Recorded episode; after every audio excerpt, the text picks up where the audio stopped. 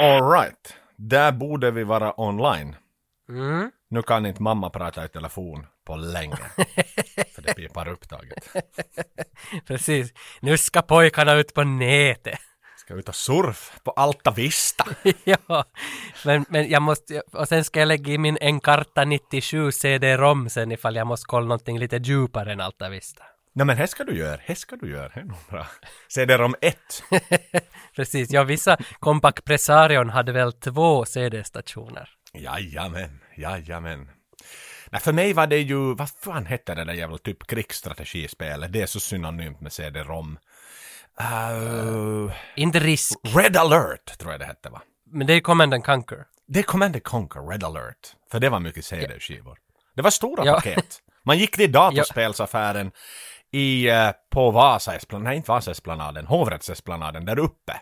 På övre våningen Ja. fanns det en datorspelsbutik. Talade om Dosse. Dose pratar jag om. Och man köpte PC-spel. Och så köpte man tidningen PC för alla och därför kunde man få med en demoskiva med 18 speldemon, bland annat Commandos minns jag att jag fick därifrån.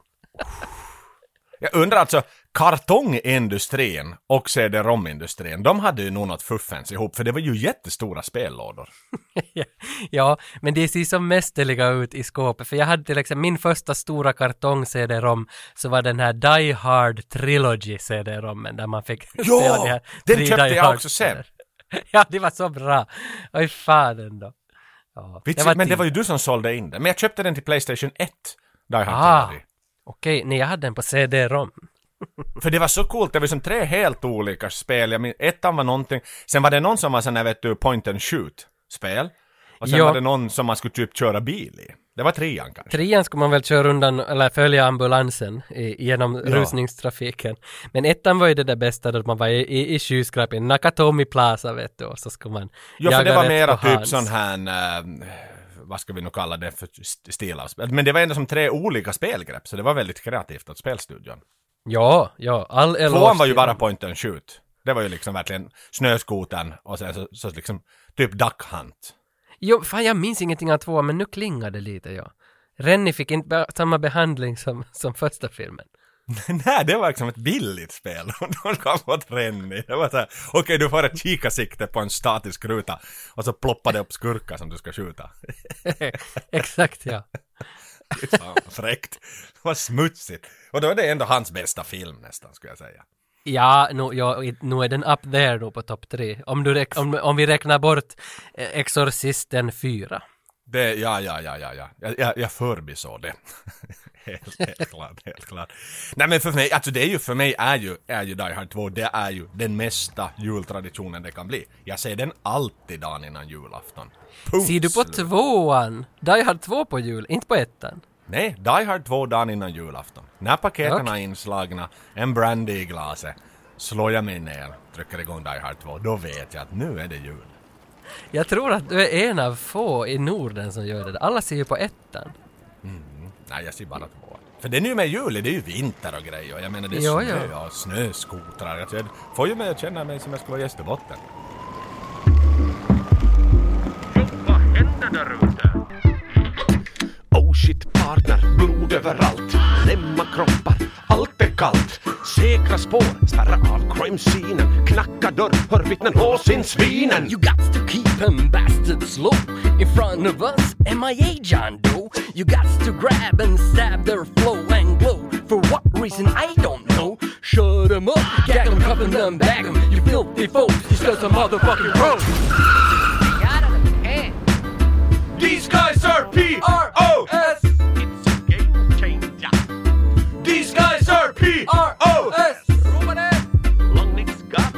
9606 Men idag Tage, vi ska helt byta fot. Det här är väl först, alltså det är Rush Hour 1 vi ska prata om idag. Jag läste så här, den lablas som en body action comedy film. Och jag har för mig att det här är väl den första body action comedyn som vi tar i vår, vår podd. Uh, ja, hör du. Kanske. Två stycken kompisar, det, det är. Nej, nej, nej, nej, nej, nej, nej, nej, nej, nej, Double Team har vi, vad fan. Double Team är, Är den, en buddy. men är den body action comedy? Eller är det bara en body action? Nå, kanske bara buddy action. då. Då, då, är det här första buddy action comedy i så fall. Ja. För det känns som att det här är en, alltså hela den här termen måste ju ha myntats ungefär den här tiden. Det här är 98 vi är inne på. Äh, Och det här nej, body action det här comedy. Body action comedy sträcker nog sig ända till, till 80-talet för det finns jättemycket med Michael J. Fox och Ah. liksom div, diverse body action från, alltså till exempel, vad ska vi säga, Re- Red, Red Dawn, vad heter den, Red Heat med, med Schwarzenegger och Belushi är ju också en sån här body action, så det finns nog från 80-talet redan det här. Men, men det känns som att eh, de, de, de var alltid lite mera med glimten i ögat. Den här känns ju som att den är ganska så på fullt allvar också. Att det kanske finns en lite annan touch på 90-talet i body action än vad det fanns på 80-talet. Nu hittar jag en Michael J. Fox-film, alltså den heter The Hard Way från 1991 med James Woods och Michael J. Fox. Och den, Okej. den är jättenice. Jätte, jättenice. Hard Way, då lägger jag upp den på min watchlist. Här och nu, Tage. Mm. Men eh, Rush Hour, alltså den här nu då, Jackie Chan, Chris Tucker 1998 av Brett Ratner. Och, och Brett Ratner, alltså tusentals musikvideon känns det som att den här killen har gjort innan han började på. Han gör ju för fan ännu musikvideon innan han liksom kom in i film, Han är också en sån, säger du. Ja, alltså jag tycker att det här finns ganska många som är såna som kommer från den här svängen. Alltså till exempel, alltså Michael Bay kommer ju också från massa musikvideor och grejer. Alltså det, det, det är många som kommer från musikvideosvängen innan de går in på, på storysvängen.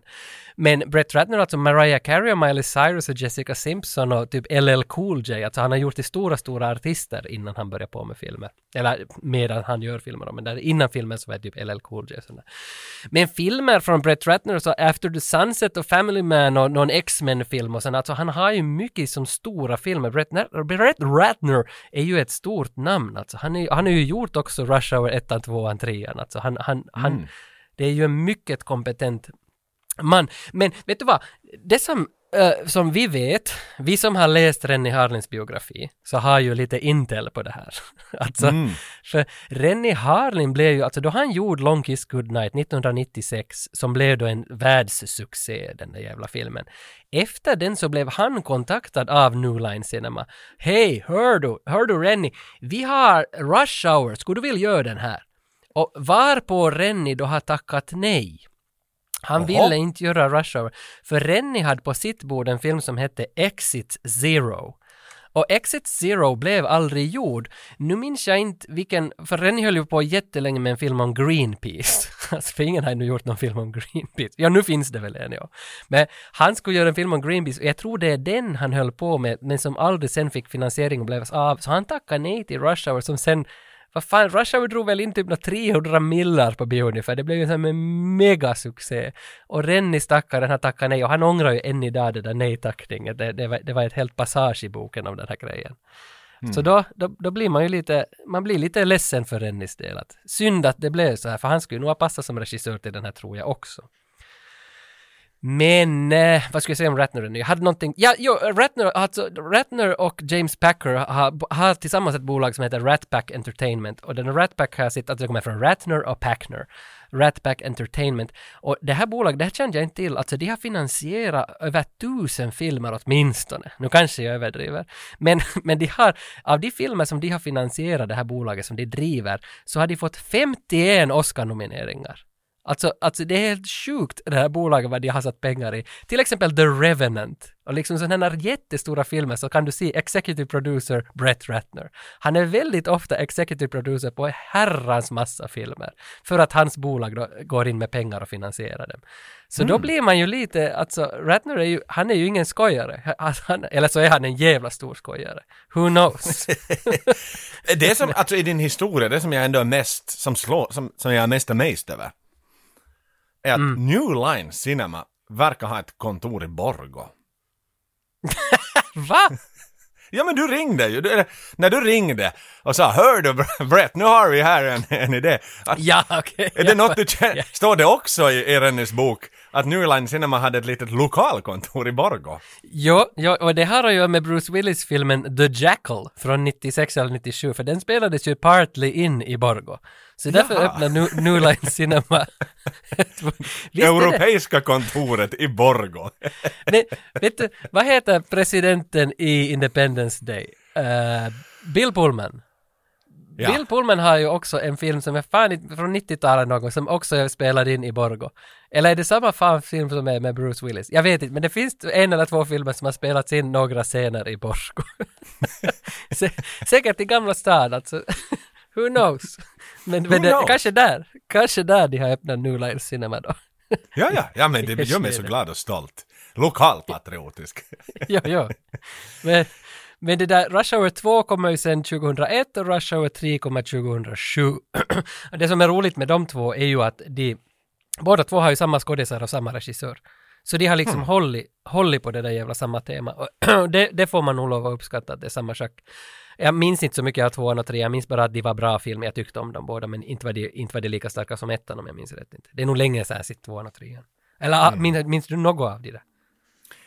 Nej, men alltså, de, de, men det är väl så klassiker. Jag menar, de, sen, sen är de någon annanstans. Om det då inte är LA så är de i någon annan stad. Men jag menar, de förs samman än en gång. Och sen, Ja. jag minns ingenting, men jag kan, jag skulle kunna skriva, att- skulle, skulle vi ta en paus här på 15 minuter och jag skulle liksom gå och skriva ett plottmanus på tvåan, så tror jag att det skulle inte vara jättelångt ifrån hur tvåan faktiskt är. Nej. Nej. Men, Så det är inte så, det är ganska tacksamma manus att skriva den här typen av... För alla Jo, jo. vet exakt hur den där röda tråden, det finns ett sånt koncept i den här typen av filmer som man inte får frångå. Jo, jo. Jo, jo. Det ska Buddy vara lättsamt och det ska vara mycket fighting. Och sen ska det alltid Mm. skämtas däremellan fightingen. Och sen ska det vara någon skurk som är nästan en sån här Disney-skurk, liksom att det ska vara, du ska vara lite hemsk men absolut inte för hemsk. Ja, ja. Men det här är ju också framtestat, för efter de visar Rush Hour första gången för testpublik så hade de fått den kritiken att det är för lite av Jackie Chans fighting. Och sen har teamet Mm. sadlat ihop och tagit med grejerna och farit och filmat mera fighting-scener med Jackie Chan. Bland annat den där då han håller på med den där Ming-vasen där mot slutet då han håller på och buffar upp den, slår till någon, buffar upp Ming-va, slår till liksom där den vasen inte får ramla i golvet. Och, och den Ja, ja, scenen är en sån som spelades in efter att filmen redan var klar för att folk ville ha mera Jackie Chan. Så då är det ju också liksom med hjälp av testpublik som det här konceptet med buddy cop action fighting och mycket humor har ha, ha sadlats fram eller tagits fram liksom. Det är lite roligt. Ja, ja, så det är liksom egentligen en, nästan en laboratorieprodukt liksom. Att, Ja, lite som Ivan Drago. ja, exakt. Ja. Men det är ju fantastiskt, så här, det är liksom lite mera kryddor bara på. Okej, ja, men då får vi tillbaka till köket och så sätter vi på lite mer grillkrydda. Exakt. Och sen serverar vi franskisarna igen. Åh, mycket bättre, mycket. Mycket godare. Det där, det där Rush Hour Det måste ju ha varit så typ double fried french fries kom till. Inte var det ju någon som bara sådär, någon var såhär, jag skulle vilja ha dem ännu mer crunchiga. Ja men fan, vi dunkar ner dem i fritösen ett varv till. Ja, ja. Fytse var mycket bättre. Det blev så jävla gott. Men de har ju, jag läser ju också att det finns ju en in development, en Rush Hour 4. Jo, jag tycker att jag har sett det där in development redan för något år sedan på fyran, så jag vet inte hur mycket man ska tro på det där. Men jag, jag tar gärna emot en om det kommer en. Jag har inte läst desto mer in på det, jag hoppas att det kommer Därför en. klickar jag så är det så här, det är Jackie Chan, Chris Tucker, allting är, the plot is unknown at the time. Det finns writers, men det finns inga datum, inga år eller någonting. Så det kan ju vara en sån där, en, eh, Guns N' Roses, vad heter den? Den som aldrig kom, som kom till Chinese Democracy.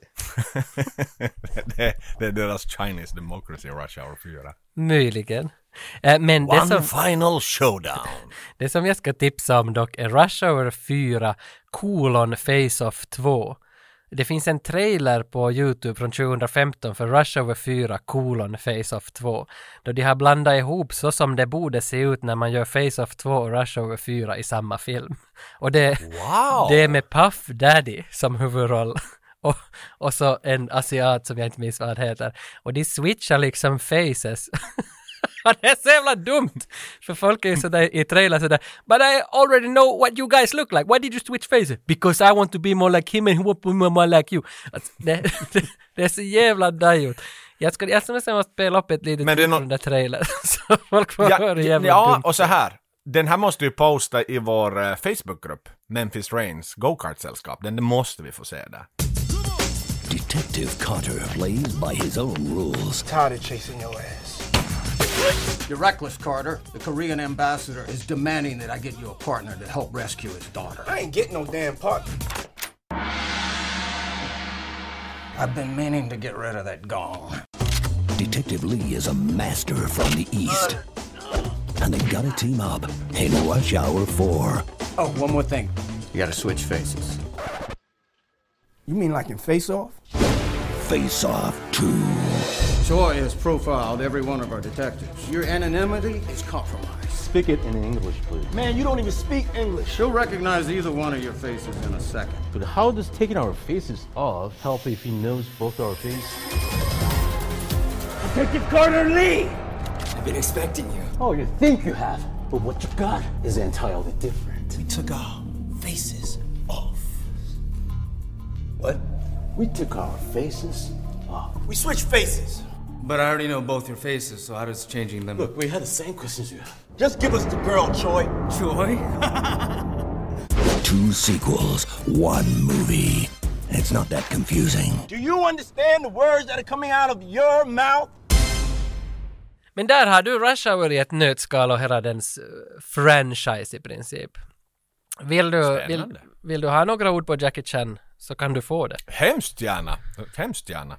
För Jackie Chan är ju lite av, eller han har varit hela mitt liv en stor favorit för mig. Och, och vi har, med 85-95 gjorde vi ett avsnitt om Rumble in the Bronx från 95 och där gick vi ganska grundligt igenom Jackie Chans karriär. Så vill man veta mer om honom där så hittar man där om man hoppar tillbaka tre år i, tre år i poddhistoria. Sex år i poddhistoria typ.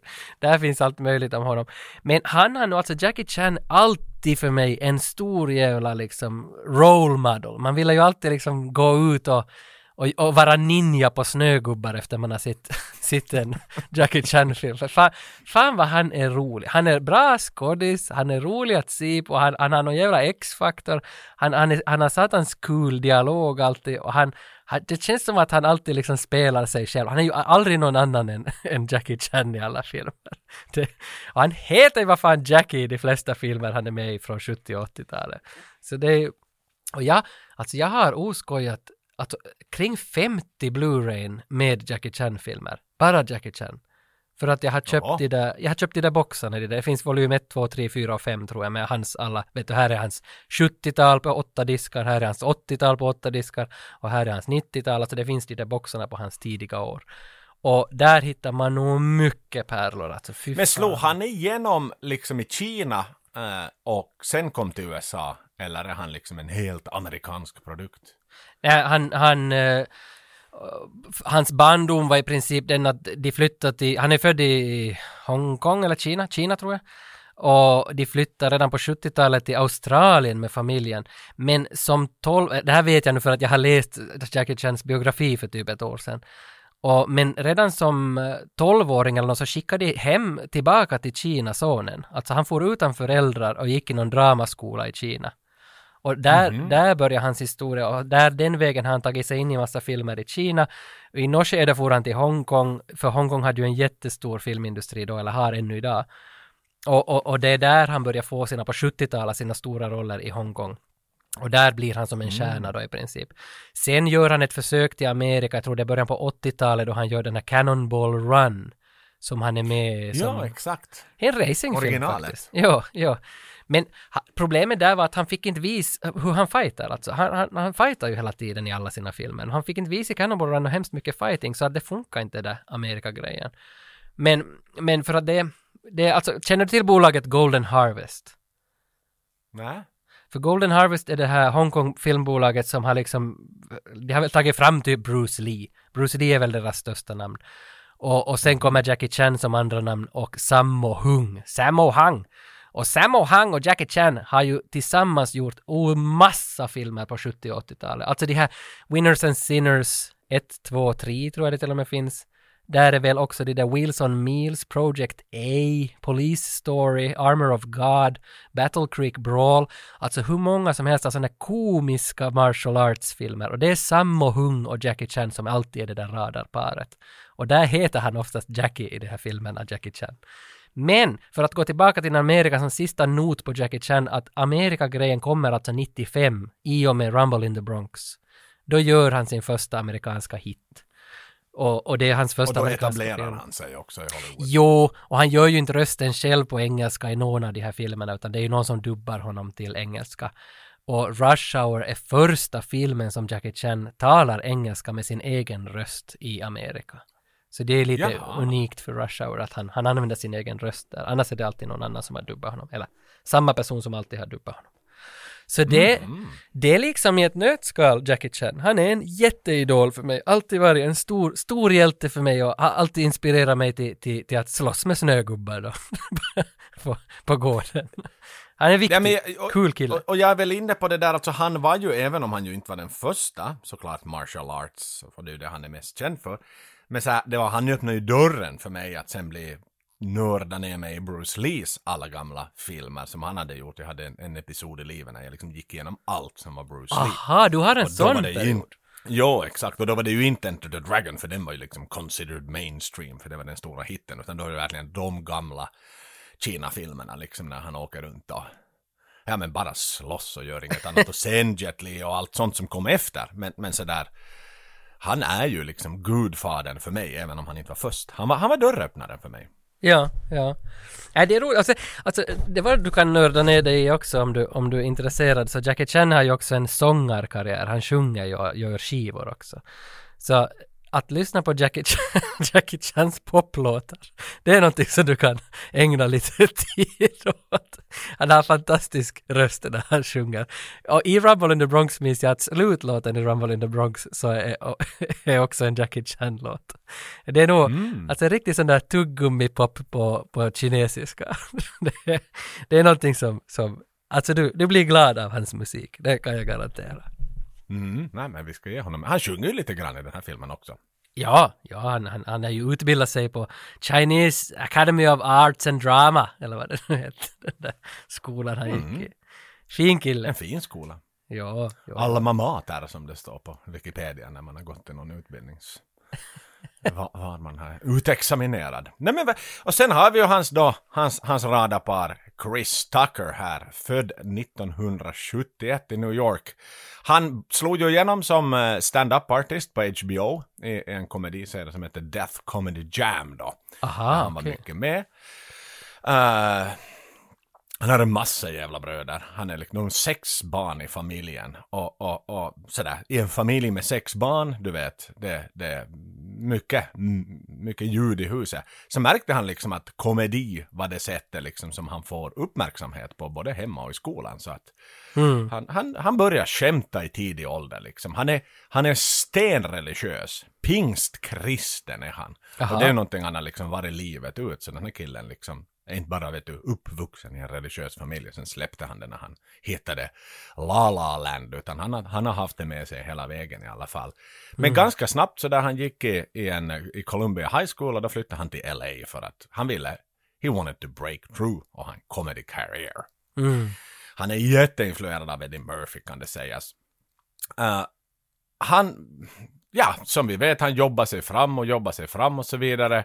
En, en intressant anekdot är att han vill inte använda grova svordomar i varken stå-upp eller filmer, just på grund av sin kristna tro. Ja, det är därför, för jag funderar på det där med, för han, han svär ju inte en gång i, i Nej, nej, filmen. trots ungefär. att han är en liksom, för i den här då rollen så borde han ju svära jättemycket, för han, han är ju liksom, han är ju typ den värsta LAPD-polisen som finns sådär och Ja, men vänta. skyr inga medel. Han har ju den där ena, eller vänta, vad säger han i den där eh, han har ju en replik till Jackie Chan då, då den är ju så jävla rasistisk den där filmen. Men han, han har ju en som han säger till honom sån där eh, Now my daddy would kick your ass back to China or Japan or where, wherever the fuck you're from. Visst, Nej, han säger inte F-ordet. Okej, han utan säger wherever, wherever you're hell, from. Wherever you're from, up, right up the great wall man. Alltså, Ja. men sant. För att den där filmen är ju som, jag kan tänka mig, den är ju superrasistisk överallt hela tiden. Och, men att han svär inte, men han är okej nog med att kända liksom andra, andra kulturer i varenda jävla replik i princip. Det är okej. Jo, jo, Bara man jo. inte säger Ja, men det här visar ju verkligen, vi har varit inne på det där många gånger tidigare, det är ju också, nu går vi händelserna i förväg, men han, han jagar ju ut en massa människor ur den här konstutställningen också.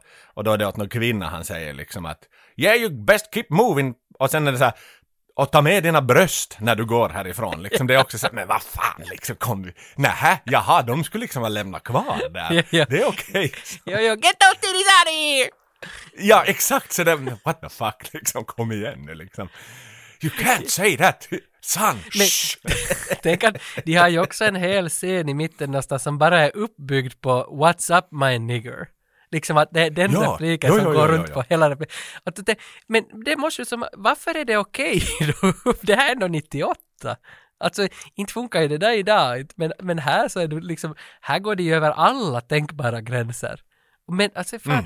Men är det då för att vet du, en asiat kändar, ja, kändar är ju fel ord, men en asiat dissar totalt västvärlden och den andra dissar östvärlden totalt? Är det liksom okej då för att båda gör det? Är det är det, det de har liksom levt på så att säga, för att båda dissar ju varandra hela tiden? Ja, ja, men det är det, det enda de gör.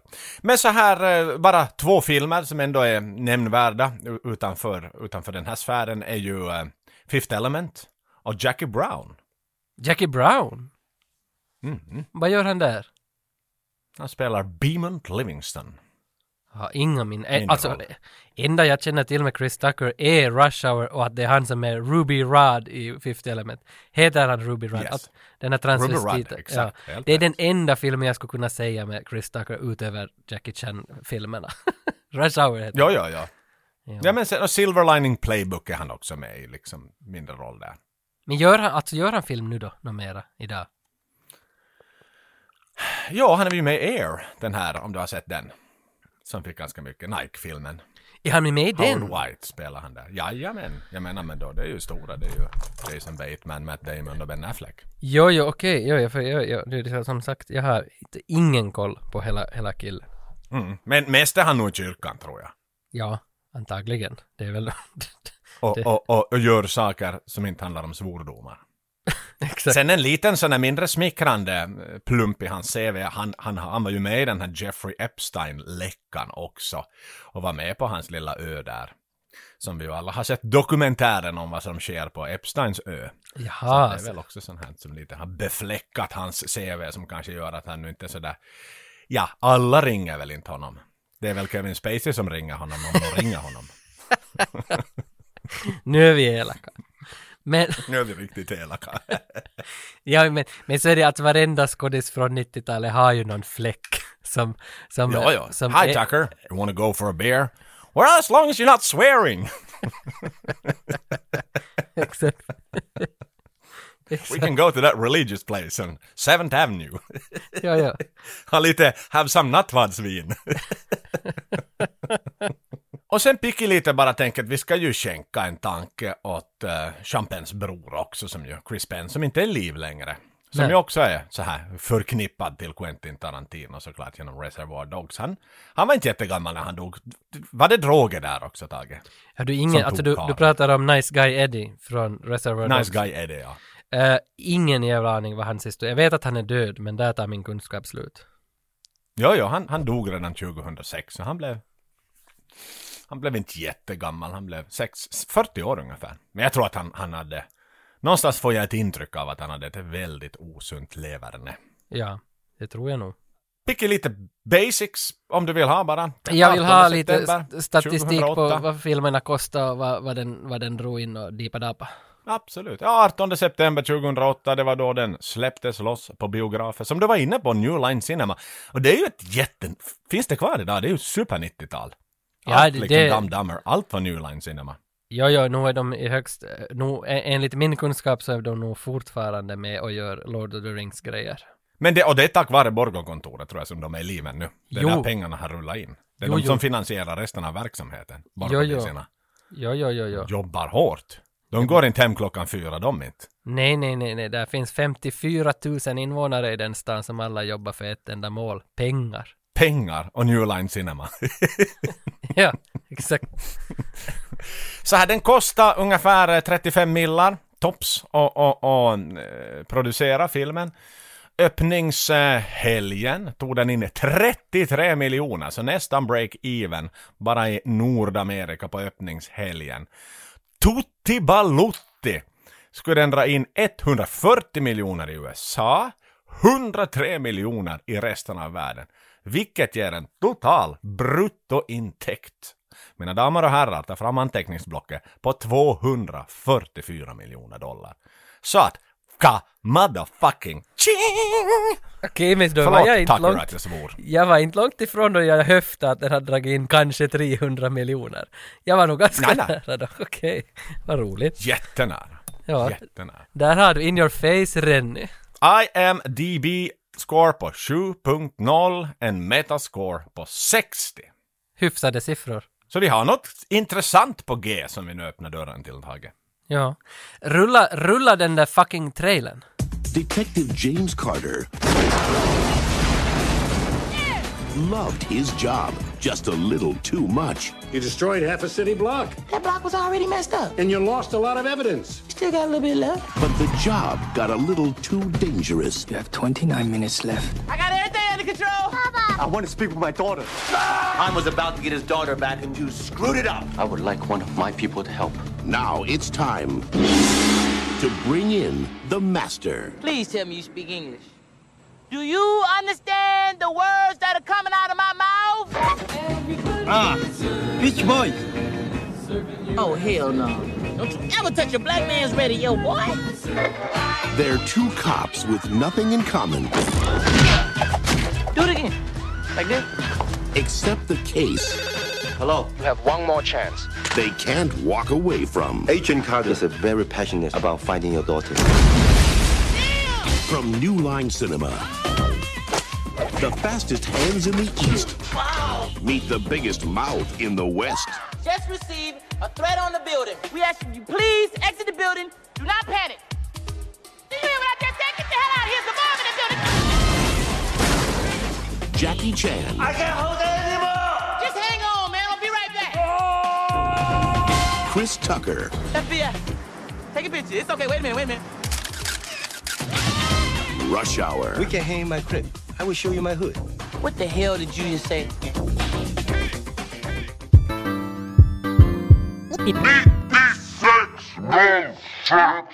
Rush Hour börjar ju förstås med Jackie Chan och han heter väl Lee? Visst är det så? Lee han. Lee. Ja, han är polis, jätte liksom huippupolis, en superpolis i Hongkong. Vi ser honom första gången här i början då han och hans polisgäng infiltrerar något bad guy-gäng at the docks. Det är ju alltid vid hamnen som man gör de där stora transaktionerna av saker. Det gjorde vi också. Jag tänkte just komma till det, i våra actionfilmer som vi själva gjort så börjar de ofta vid hamnen. Med ett illegal street race. Ja, ett streetrace eller någon container som vi filmar framför som då var fylld med knark.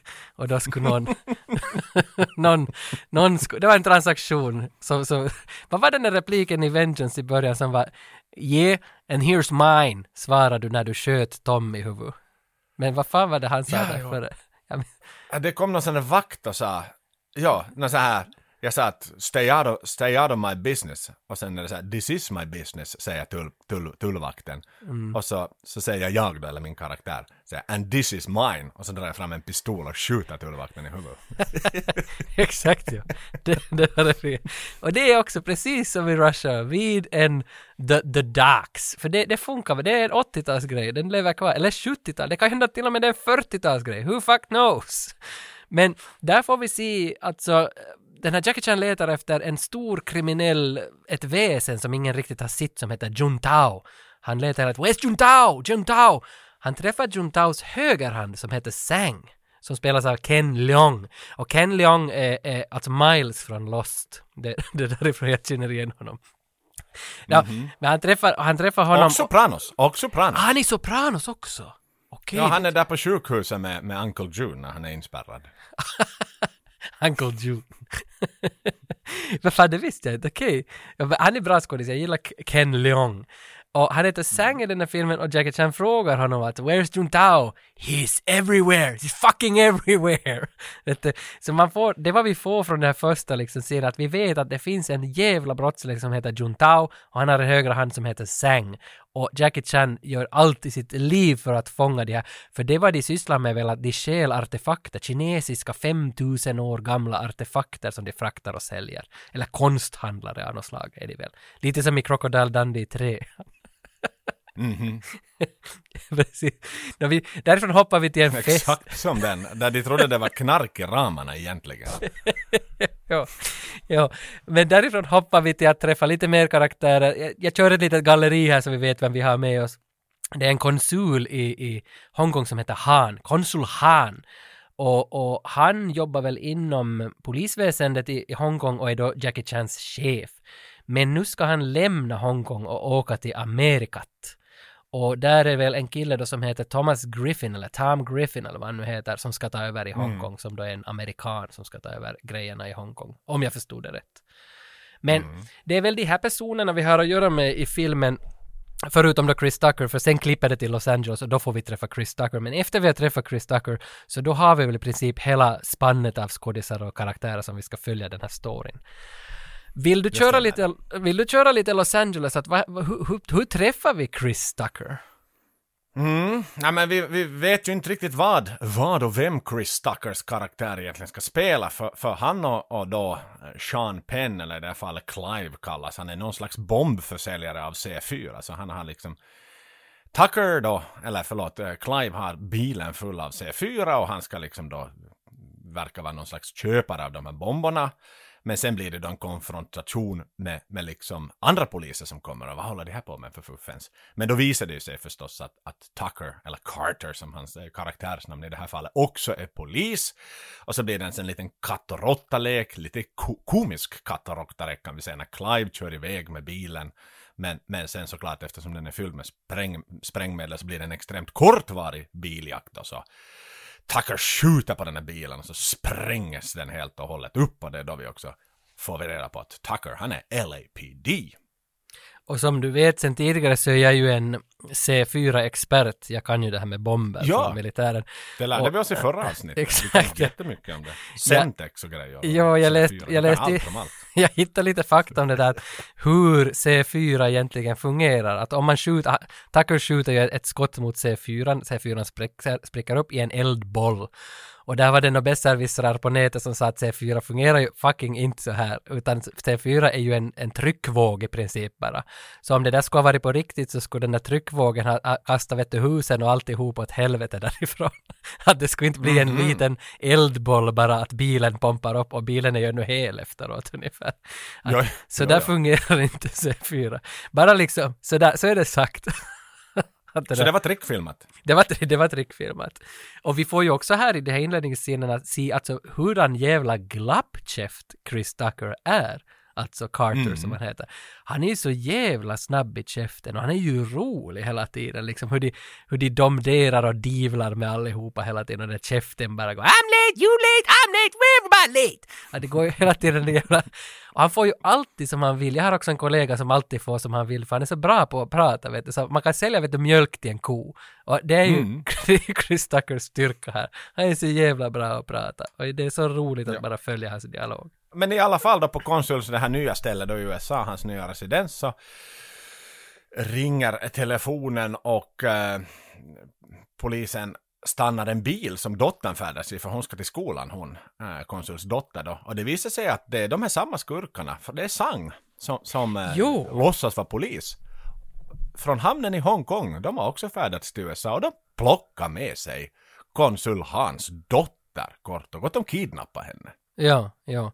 Och när de kidnappar henne så då, det är ju då som man liksom börjar se det här spåret att varför det är en asiat och en amerikan som ska teamas upp. Eftersom den här konsul Hans dotter då, konsul Han är ju bästis med Jackie Chan, med Lee då. Så han, Mm. han, han ringer ju honom, My daughter! Ska, He's already on the plane! men, men Amerika vill ju inte att det ska komma någon sån här kille och börja hjälpa FBI att solva kidnapping case. Så att eh, Nej men nej, först får vi veta mer om Tucker ju innan, innan liksom hela det här nystas ut att varför det blir Tucker som paras ihop med Jackie Chan, att varför det blir ett omaka par. Och för att Mm. eh, Tucker, eh, han är väl, vad man får en scen där när man ser att han är jätteilla omtyckt på kontoret. Han bara, han bara liksom skryter och håller på och säger att han tänker fan aldrig jobba med någon partner. He's alone. He's a lone wolf. Nej, det är ju självförvållat i allra högsta grad. Jo. Han är ju inte utfryst och utstött, utan han har ju själv nog liksom grävt sin egen grav eller bäddat sin egen säng, eller hur vi nu ska uttrycka oss. Jo, jo, jo, jo, jo. För, för det är ju någon brud, vad heter hon, Johnson, Elizabeth Pena tror hon heter på riktigt, som vill, hon säger väl när, i något skede att, att hon skulle kunna vara hans partner. Men, Mm. men han säger väl till henne någonting att, att, att get in line. liksom, everyone wants to be my partner. Men ingen vill. Han är i alla fall, alltså han är ju, han är ju på det viset illa omtyckt och det är som du säger självförvållat. Och så går det ett rykte att han ska stängas av där från LAPD också. Och samtidigt korsklipper det de här scener från FBI att de vill inte att någon kines ska komma hit och, och, och, och hjälpa oss. Och då kommer någon på, jag minns inte vem som kom på den där idén, men att de ska lura Jackie Chan som kommer att, att han får följa lite sådana hoax-trådar, alltså liksom lurendrejartrådar, att han ska inte han ska inte få följa de där rätta ledtrådarna utan några andra trådar. Så behöver de någon skitstövel från LAPD som kan vara den här andra killen som, som visar honom runt i Amerika. Att de två tillsammans kan, kan följa skit, skitledtrådar. Men att också Chris Tucker som är den här LAPD-idioten då ska också ha som uppgift av FBI, liksom uttalad uppgift att se till att ni håller er bort från vår utredning. Det är din fucking Mm. uppgift. Men jo, det- jo, alltså han, de säljer in det på ett smickrande sätt åt Ja. Carter sådär, hej nu ska du få ett specialuppdrag. Du ska få typ jobba med fedsarna. Men, men ja, som själva verket är det ju han ska vara barnvakt åt Lee. Ja, ja, men det är ju ändå liksom, det är ju, det är ju uppriktiga med honom. De säger ju att det här är din uppgift. För det hade jag glömt bort Mm. från den här filmen. Jag trodde inte att det var sådär att han vet om sin uppgift, att hans huvudsakliga uppgift är att hålla bort kinesen. Keep the Chinaman out of this. Ja. Ja. Mm. Så där... Men där han fattar ju ganska snabbt så här när han då sen får träffa FBI. Så, så räknar han ju ändå väldigt snabbt ut att jaha, att jaha, jag ska bara vara någon babysitter här. Så han blir ju jätteupprörd liksom och, och sur sådär. För han, han vill ju framåt i karriären. Jo, jo. Carter. Jo, jo, jo, jo. Jag, jag gillar hans det där What do you want me to do? Take him to the zoo? Just keep him out of our way, Carter. Men, men alltså, Det är också så här, första man ska göra när man kommer till LA, gå på zoo. ja, ja. Men, men jag, alltså, på något vis, nu när jag såg det här på nytt, så jag köper nog ändå den där storyn liksom, att inte är det så farfetched liksom, att de kopplar ihop en idiot för att, a blind leading the blind liksom, eller inte riktigt så, så hårt, men men det, jag tycker ändå att det fungerar det där konceptet, för jag hade inga minne varför de parades ihop, de här två. I tvåan och trean parades de väl ihop för att de är så bra då, de, de blir så bra i ett. Men lek med tanken så här, en känd Vasabos dotter i Stockholm blir kidnappad. Mm. Och då så, så känner den här Vasabon, känner dig, för han har varit med i en av dina dokumentärer på, på Yle. Ja. Och tänker så här, ah, jag vill ha Tage hit. Och jag då som, som jobbar lite utanför utredningen, jag jobbar liksom inte på, på centralkriminalpolisen i, i Stockholm, men jag är liksom någon sån här förortspolis. Mm. Och då får jag i uppdrag att liksom, jag ska ta hand om dig Tage här, men vi får liksom inte gå in och, och plocka de här knarkbaronerna från, från olika nätverk själva, utan vi ska liksom, för det, vi misstänker att det är de som har kidnappat den här kända Vasabons dotter. Det är ju inte ologiskt egentligen. Nej, nej, nej, nej. Och därför tycker jag också att, fin story by the way, men jag tycker också att, att man kan köpa det. Jag tycker att det är helt bra upplägg. Man är, man är sådär att okej, fine, det här funkar ju. Ja. Nu, ska Ja, de... exakt. Nu ska de det är klart det. Ä- Även om det är lite krångligt att förklara det, men, men om man bara använder ordet babysitter, så då, då är det fine. Så det, Ja, ja, ja. okej. Ja, Fine, Och fine. Det är ju film, Tage. Vi ska ju förföras av filmen. Ja, ja, ja, ja. Och det vad som sker sen då att, att eh, Jackie Chan kommer med flyget till LA och Carter är där på flygfältet och liksom ska ta emot honom. Och nu börjar hela den här deras fantastiska dynamik, deras liksom glappkäften mot kinesen. Och, och, och jag gillar ju liksom att där direkt i början att Jackie Chan låtsas att han inte kan någon engelska alls. För att han, han, vill, han vill väl egentligen bara se vad är det för idiot som kommer och tar emot mig. Jag låtsas att jag inte kan någon engelska. Så lär han ju sig mycket mer om honom direkt. Och det, det är nog alltså jätteroliga roliga scener. Do you understand the words that are coming out of my mouth? Och så gillar jag också att Carter talar ju om sig själv i tredje person också. Only Carter does that! Please tell me you speak English. I'm Detective Carter. Do you speak uh, any English? Do you understand the words that are coming out of my mouth? I cannot believe this shit. First, I get a bullshit assignment. Now, Mr. Rice-A-Roni don't even speak American. Come on, man, my ride over here.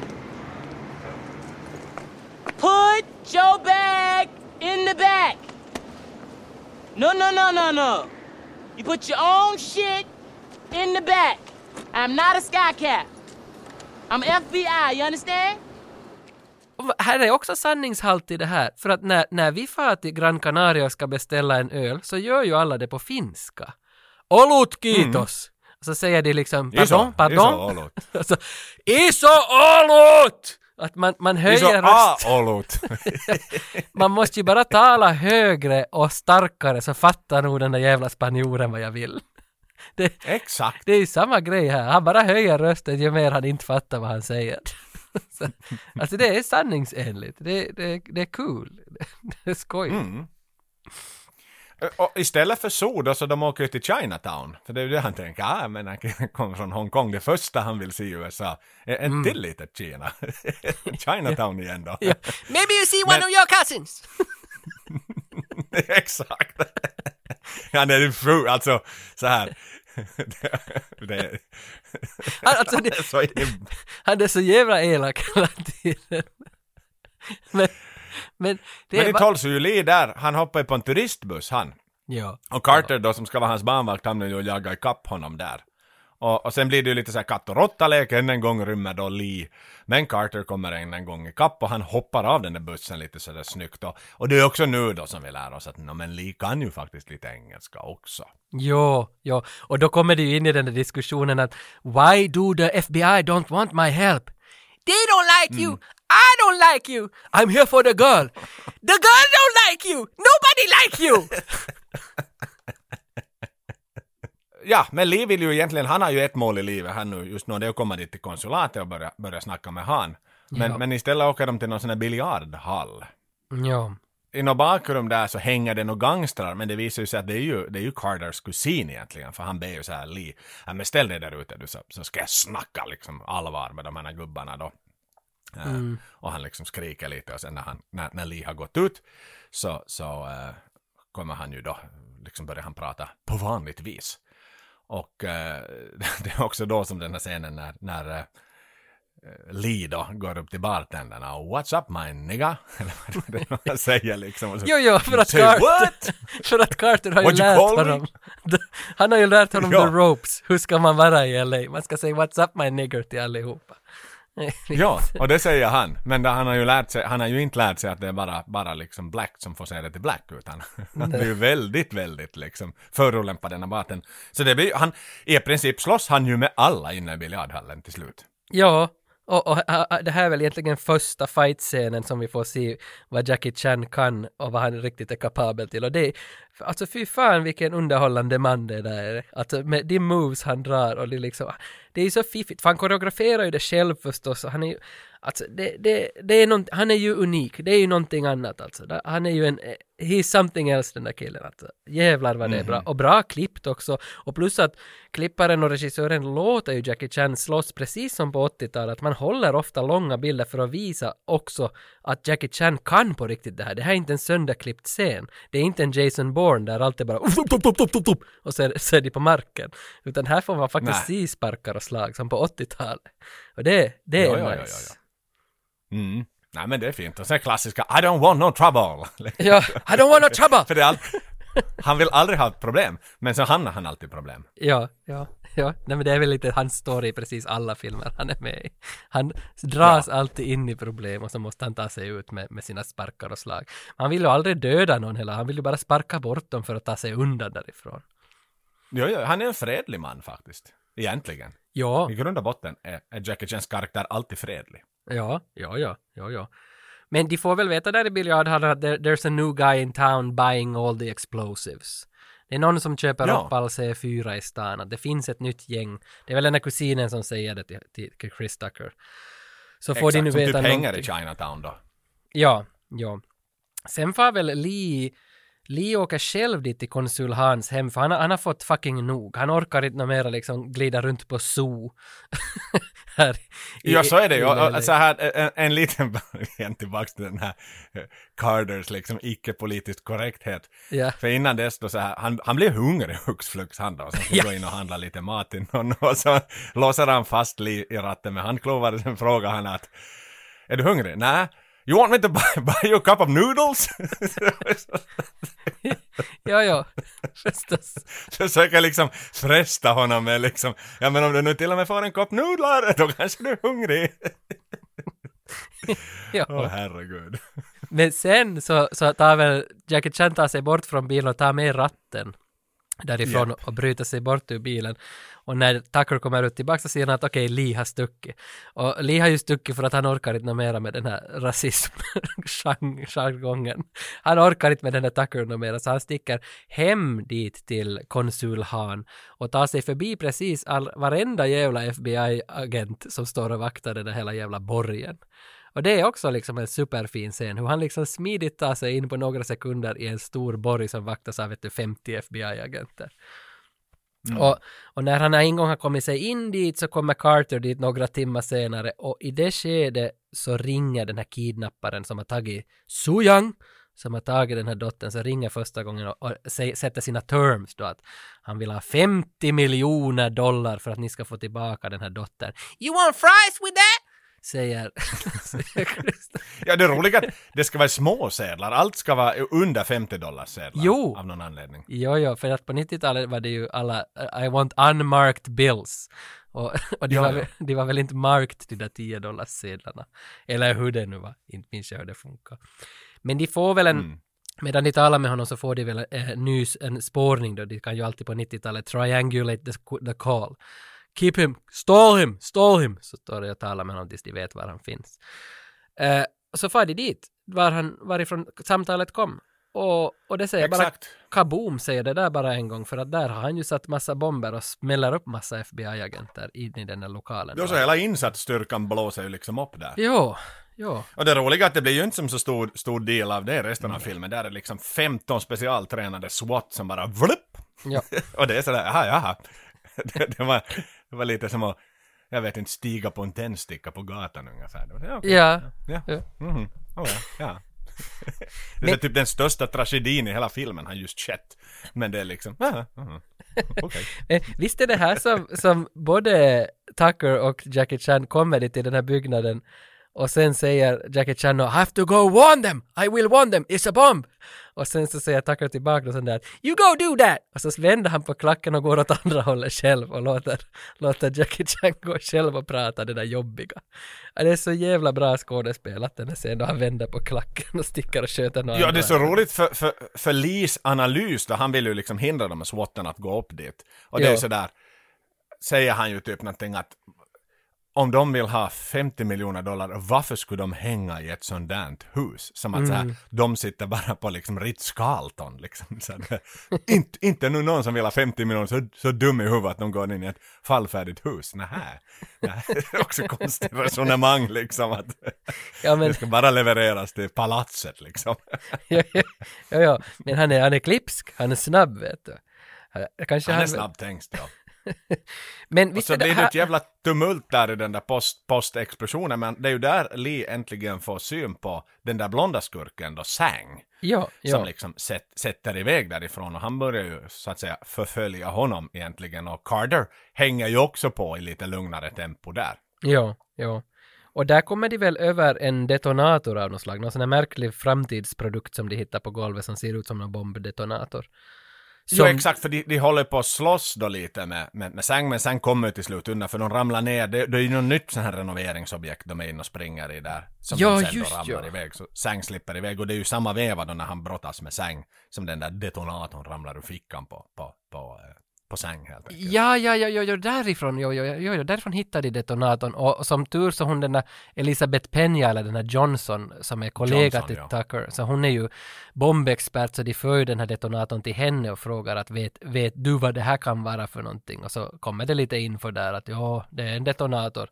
Och, men sen vet jag inte varför... C4, C4. C4, ja, men sen, sen fattar inte jag varför far de till Clive, Clive som, som Tucker fångade i början, som var där Mm. utanför den där baren som sitter i fängelse nu, så de far till honom och visar detonatorn. Det minns jag inte, eller det fick jag inte riktigt på klart varför de går till honom. Nej men i och med att han var ju, han sålde ju C4 i stora mängder i Ah. sin bil och det som sprang upp som, som Ja, ja, ja. var fake för att ingenting gick sönder. Och, och han vill ju inte säga någonting, varför ska, jag- varför ska jag prata med dig vet du, du satt ju dit mig här för en för Ja, 30 ja, ja, i ja. filmen. Okej. Och sen, sen så får ju Lee börja öppna sig att du vet att det, det, det är liksom ett barn det här handlar om. Kär, kära vän, att liksom det, det är inte mig det handlar om. Det är ett barn, ett oskyldigt barn som är kidnappat här. Det blir en riktigt djup stund här i filmen. Och, och då inser ju till och med liksom Clive här att no, inte är jag ju en barnamördare.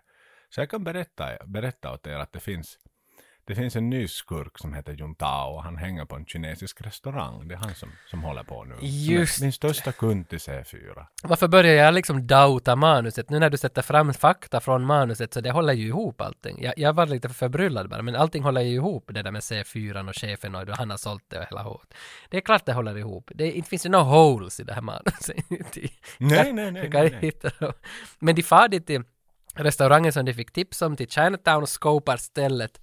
Och det är väl där som den kommer den där scenen då de lyssnar på den där låten då Jackie Chan, jag vet inte hur, hur den startade men de, de hör på den där låten, eviga låten Hey! Oh! What is it good for? What is it good for? Absolutely nothing! Edwin Oh. Starr heter artisten. Jag har, jag har ju hört låten, men jag känner inte till Edwin Starr. Låten heter War, om ni får en feeling. Kanske vi lyssnar lite på den.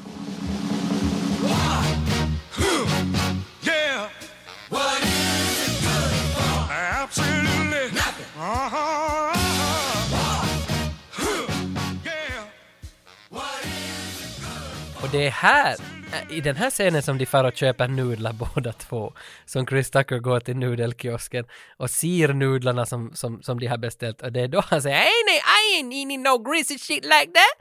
And you got no fries or some shit! Och, och det vill jag bara säga att det är ju här nu liksom vändpunkten i filmen kommer, för nu nu när de lyssnar på Edwin Starr, då blir det någon slags dance-out. Ja. Och sen så blir det ett lite så här, nästan ett training-montage. De lär sig att avväpna varandra med pistolen och nu börjar de liksom bonda ordentligt sådär. Nu är de förbi det där jobbiga de har haft mot varandra. Nu börjar de inse att fan, du är en ganska bra kille, du är också en ganska bra kille. Jo, de börjar ju... Nu börjar de bry sig om varandra. De börjar ju bokstavligen smaka på varandras kulturer och acceptera dem.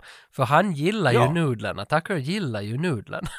Det är liksom väldigt Ja, han bildligt. inser att det här är jävligt gott det här faktiskt. Ja. jag, jag har bara liksom varit fördomsfull och inte velat ha det här. Ja. Och sen får vi också reda på så här att FBI står och packar en pengaväska i samma veva som det här då utspelar sig och, och, och ambassadören in- instruerar ambassadören om hur han ska göra och de har liksom det här 30 minuter tills de ska lämna den här väskan då utanför den här restaurangen typ. Som Mm. de då står och har en stakeout på.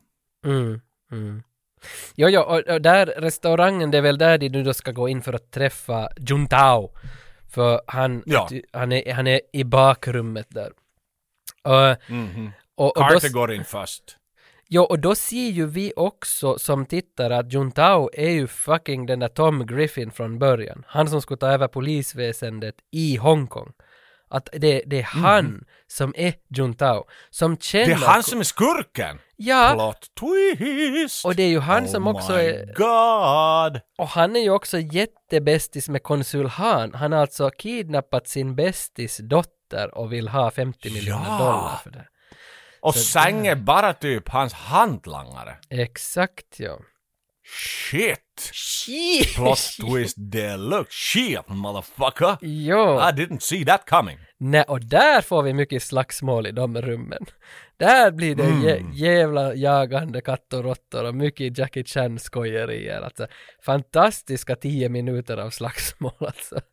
Åh, det är så fint när Jackie Chan ska liksom manövrera ut 20 martial arts killar i en liten restaurang. Ja, Ja, ja. jättefin, jättefina scener.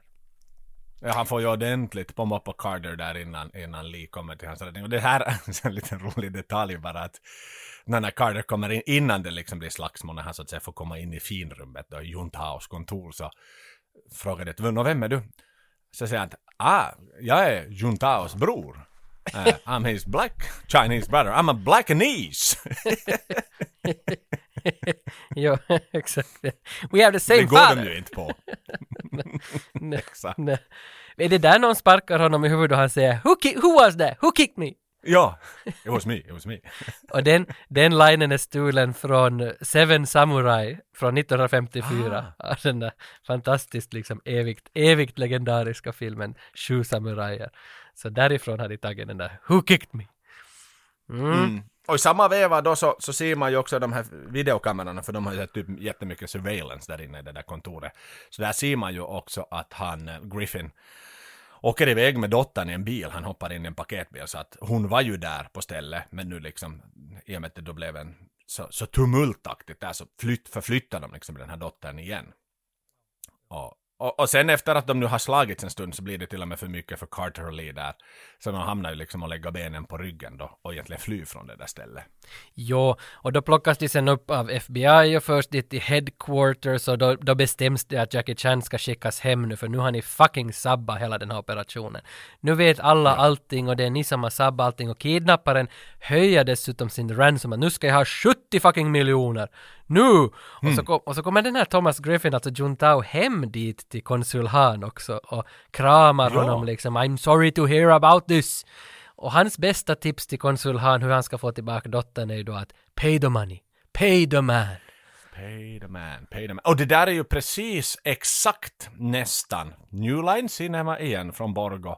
Mm. Den här uh, i, i Dumb Dummer, du vet när skurken är där uppe uh, i slutet där på det där lyxiga hotellrummet liksom. Och ja. han verkar vara offret.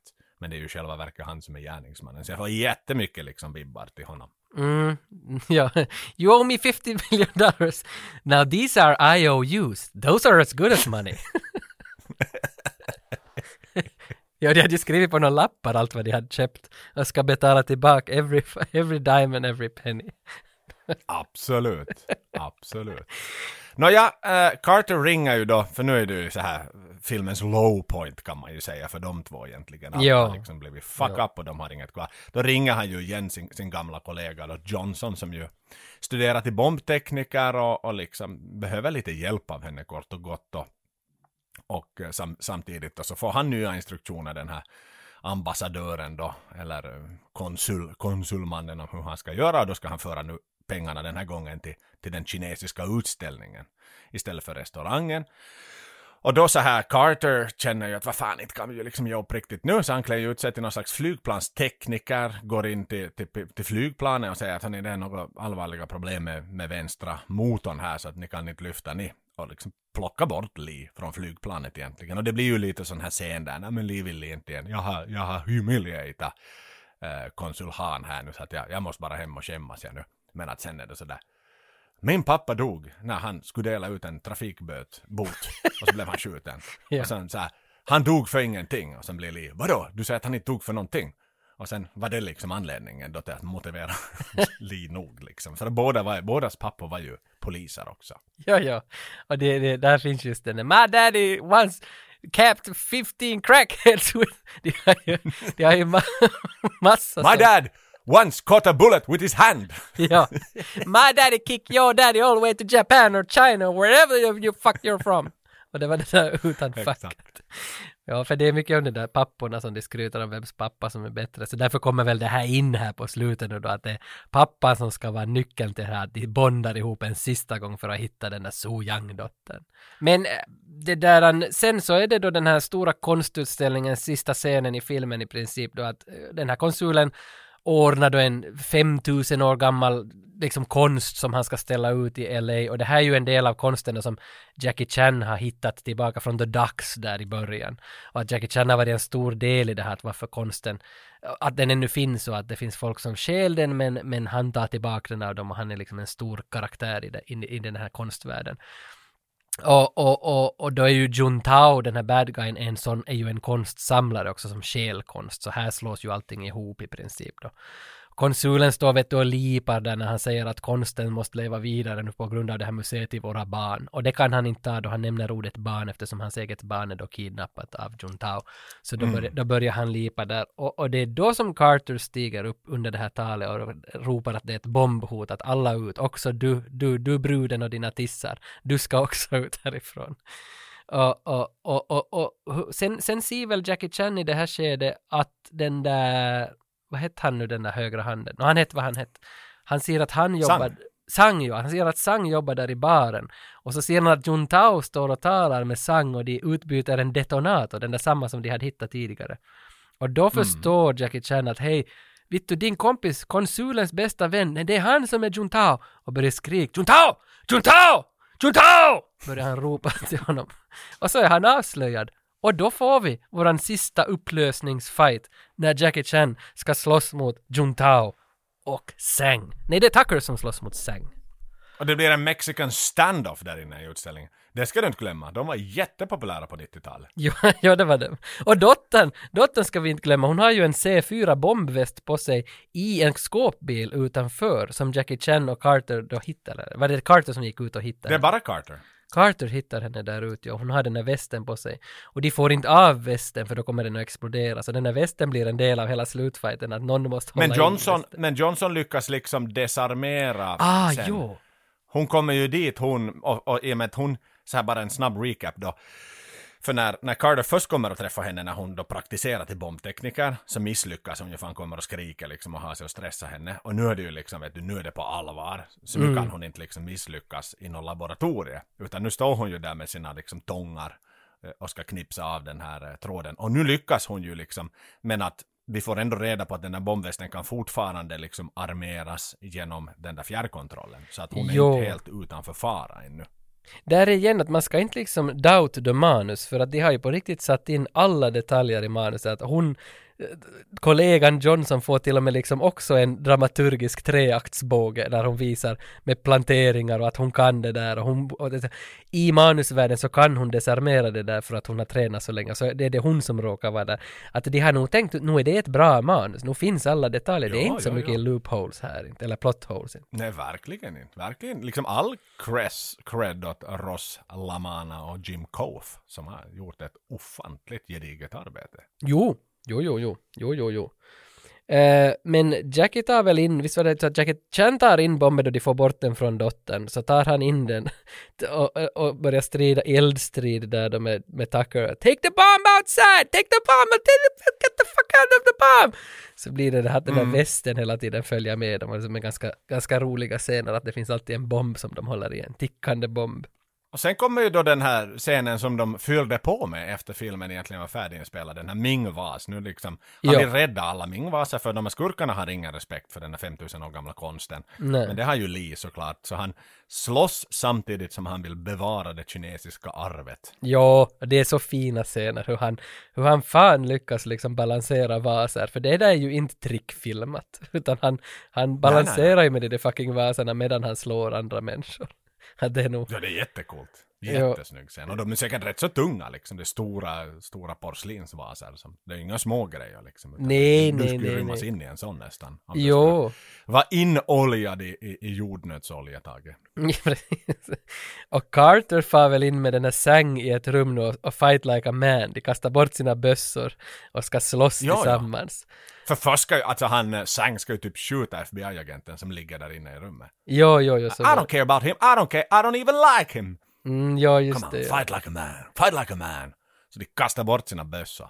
Men, Ja. men sen har ju båda en backup gun. Så att Ja. Sang ska ju liksom, han lurar ju honom att ta fram sin backup gun. Men då har ju såklart eh, Carter också en backup gun. Jo, jo. Och, Och han skjuter honom. snabbare än Sang. Ja, skjuter ner honom och går fram till honom och säger, han tar fram en liten, en liten servett och säger Wipe yourself clean, you're dead.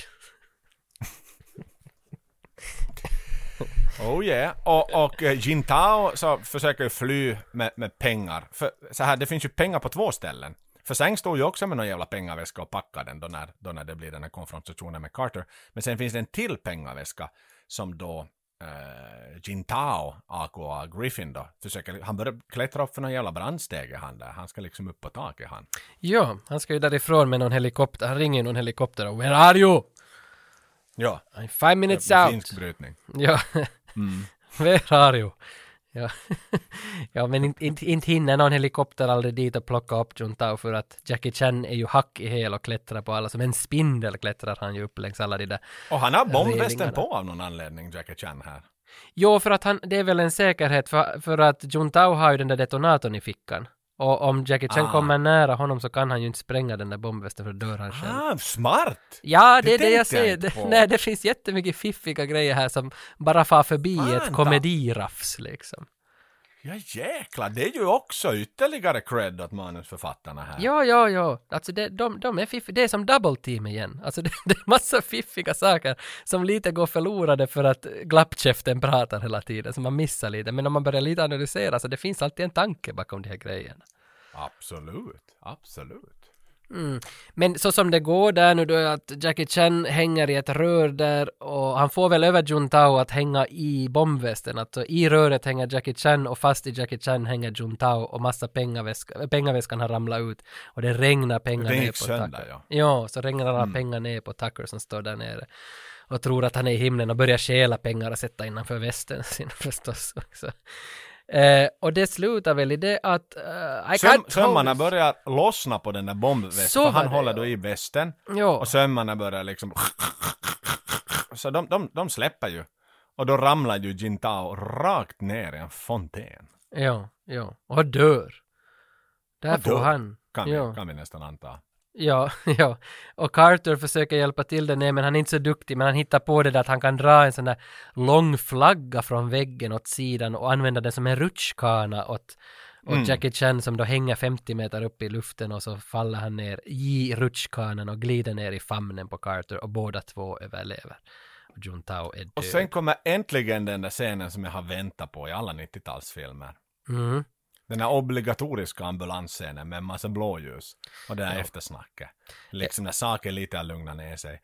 Mm. Eh, Hans, konsul Hans dotter är arg på Lee för att Why did you wait so long? Mm. Jo, Suyang! Ropar han till henne då hon kommer och så kramar pappa henne. Uh, och där tycker jag, om vi var på Die Hard 1 i början, så Die Hard gjorde ju någon slags spoof på den där blåljusscenen i slutet. För där stiger ju Carl upp med blod i face och kommer, kommer, de börjar ju skrika där och Carl kommer för en sista skott då han ska skjuta Bruce Willis. Och, och det, Ja. det här är ju som superklass, här händer ju ingenting sånt, här är ju bara blåljus och allting är bra och snart börjar sluttexten liksom. Men, men jag tycker Mm. att vi ändå var in på Die Hard 1, så den gör ju en twist på blåljusscenen i slutet. Ja, ja, det one final showdown ska till ännu. Jo, jo. Det är ju helt rätt. Och sen så Carter han får ju upprättelse här nu då. Han får ju erbjudande om att joina FBI, på riktigt bli en FBI-agent. Men Mm. han eh, funderar en liten stund och säger att Show that badge up your ass! Ja. I'm LAPD!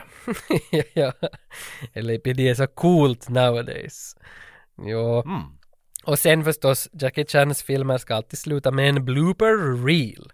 Så då ska vi få se... Ja, och sen, men, och innan dess då så, för Carter ska på semester. Med Lee. Ja, så de åker just två veckor, ska till Hongkong två veckor med flygplanet. Jo, jo, för här slutar ju rasismen på något vis också. Ja. Att nu är de så goda vänner så nu ska, nu har han hackat på honom hela filmen, Tucker har hackat på Lee och nu ska de fara till Hongkong och man kan bara tänka sig att där kommer Lee att skratta åt Tucker i alla fel han gör i hans kultur. Mm. Så vi får, vi får också ett sy ihop Tables säcken have där. turned indeed. Ja. Och sen blooper reel. I alla Jackie Chan-filmer Ja. slutar med en blooper reel där de ska visa alla tokiga stunts han har gjort fel när han slåss. Och det är nog alltid en fröjd att sitta och se i fyra minuter när han gör misstag i sina stunts. Ja, och de skrattar och man förstod att det bara var en film och de hade alltid kul och Jintao var inte så elak som han egentligen var. Och Nej, nej. man humaniserar liksom. Ja. Vet, Man pratar mycket om, idag om att avhumanisera saker, men där humaniserar man till och med skurkarna. De är, ändå, de är människor de också. Ja, ja, ja, ja. Ja, det är fin. Fin, fin, fin film.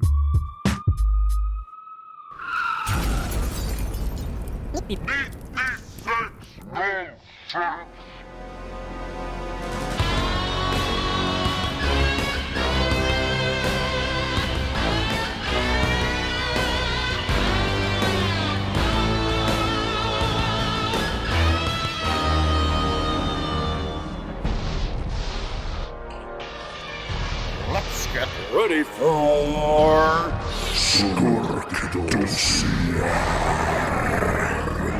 Goddamn right. Vad var det där Tage? Du vet vad det där var. Det luktar ju skurkdossier. Vi vet egentligen inte vem som är skurkens film före två tredjedelar in i filmen.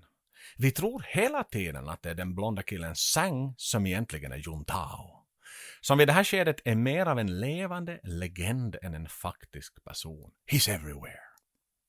Nu visar det sig emellertid så att Juntao faktiskt är samma person som Thomas Griffin, konsul Solon Hans kollega hemma i Hongkong.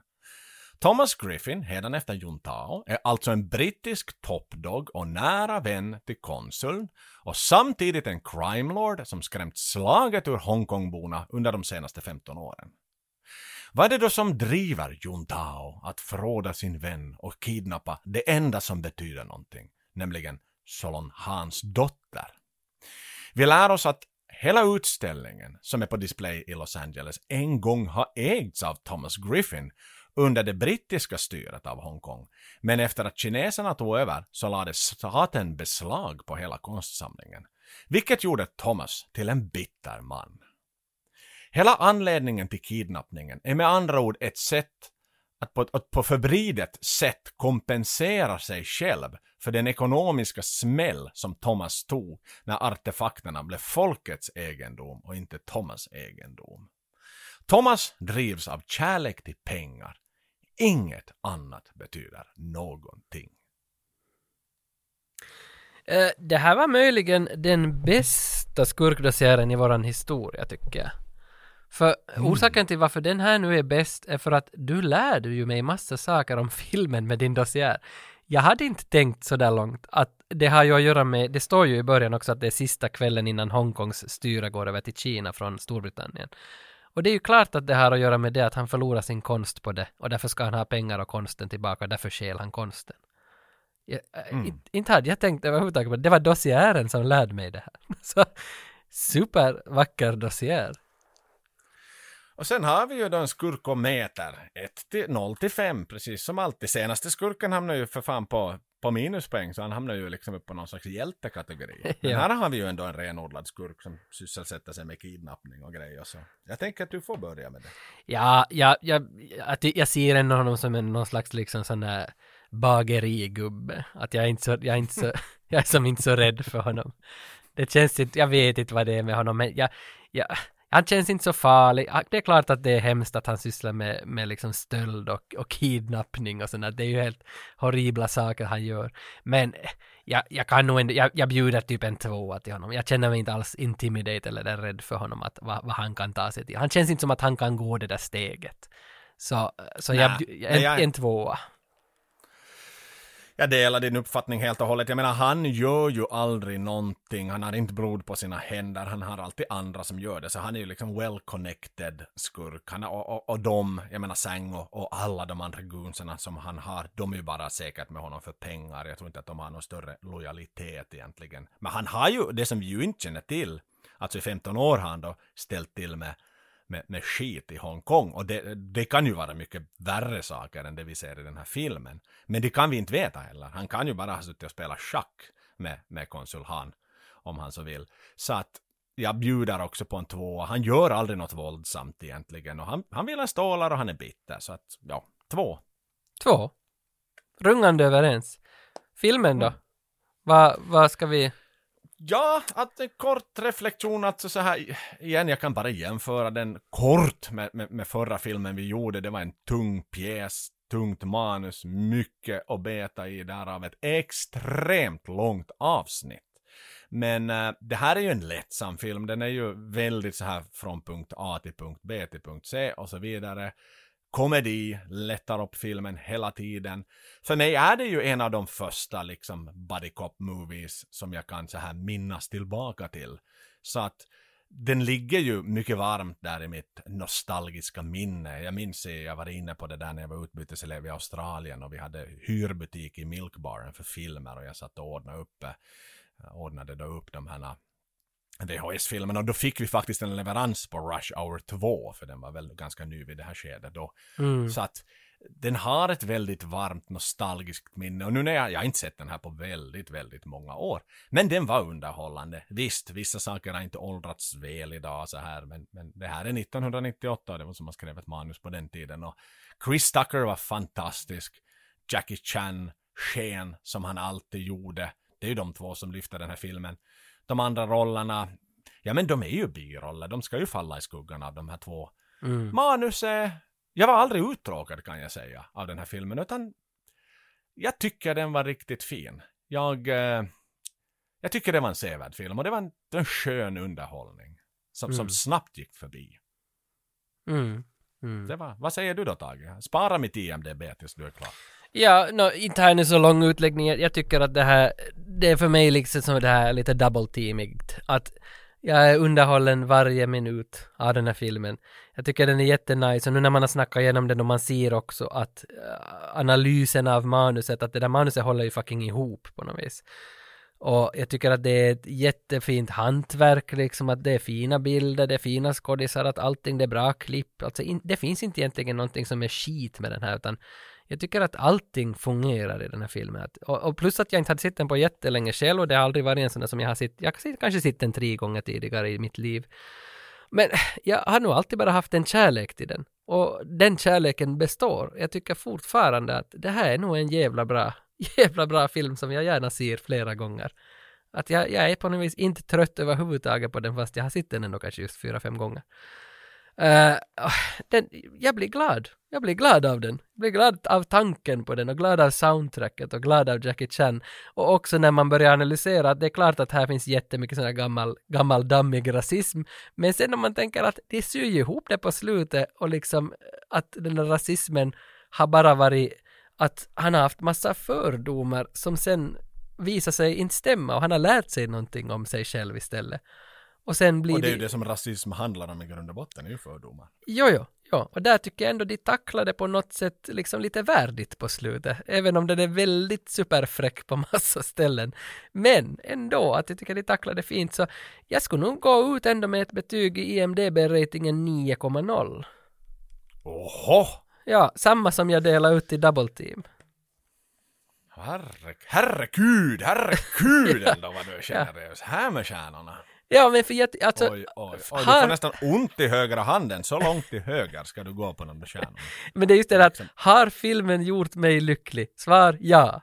Och, och, och är den perfekt? Nej. Så inte är det en tia liksom, men jag, jag nosar nog på den där nian. Jag tycker nog den, den får nog en nia. Och det är från mig. 9,0 du är inne på. Eh, 9,0 ja. Mm. Ja, men jag också, jag var underhållen. Det var en, som, som jag var inne på i mitt, min slutplädering, en lättsam film. En perfekt film att göra efter The Rock. Ehm, jag ger den en 8,1. Mm. Okej. Så då, då landar vi på husbetyg 8,6. 8,6 8,6 va? 8,6 blir det väl mer eller mindre där då. Och med de go- orden gott folk, vi, det är ju en stundande jul som närmar sig, så vad jag nu tror, utan att ha diskuterat ännu med, med Joel, så är ju att vårt nästa avsnitt kommer högst antagligen att vara betingat av julafton och julfilmer. Skulle jag tro. För vi kommer att, vi kommer ju nära julen. Och då kommer vi att göra ett julavsnitt. Det är nu någonting som bara kommer att hända. Lite glögg och Lite en glögg. trevlig film. Ja, så Lite får vi se. all the way. Ja, jag tänkte just att blir det, blir det lite glögg och lite jingle all the way, det är väl inte... vi får Vi se. får väl se. Vi ska botanisera vad det finns för intressant mellan 96 och 06. Vi väljer den bästa. Yes, det gör vi. Okej, eh, gott folk, tack för att ni har lyssnat. Jag heter Tage, kallas i folkmun för Coma Cup och med mig har jag... Ja, nu kommer jag av mig. Mike Foxtrot, kolonell. Kolonell. Precis. Hörni, tusen tack att ni har lyssnat så här långt. Jag antar att det finns åtminstone en eller två lyssnare kvar. Men ni två, ni är hjältar. Vi tackar er två. Do you understand?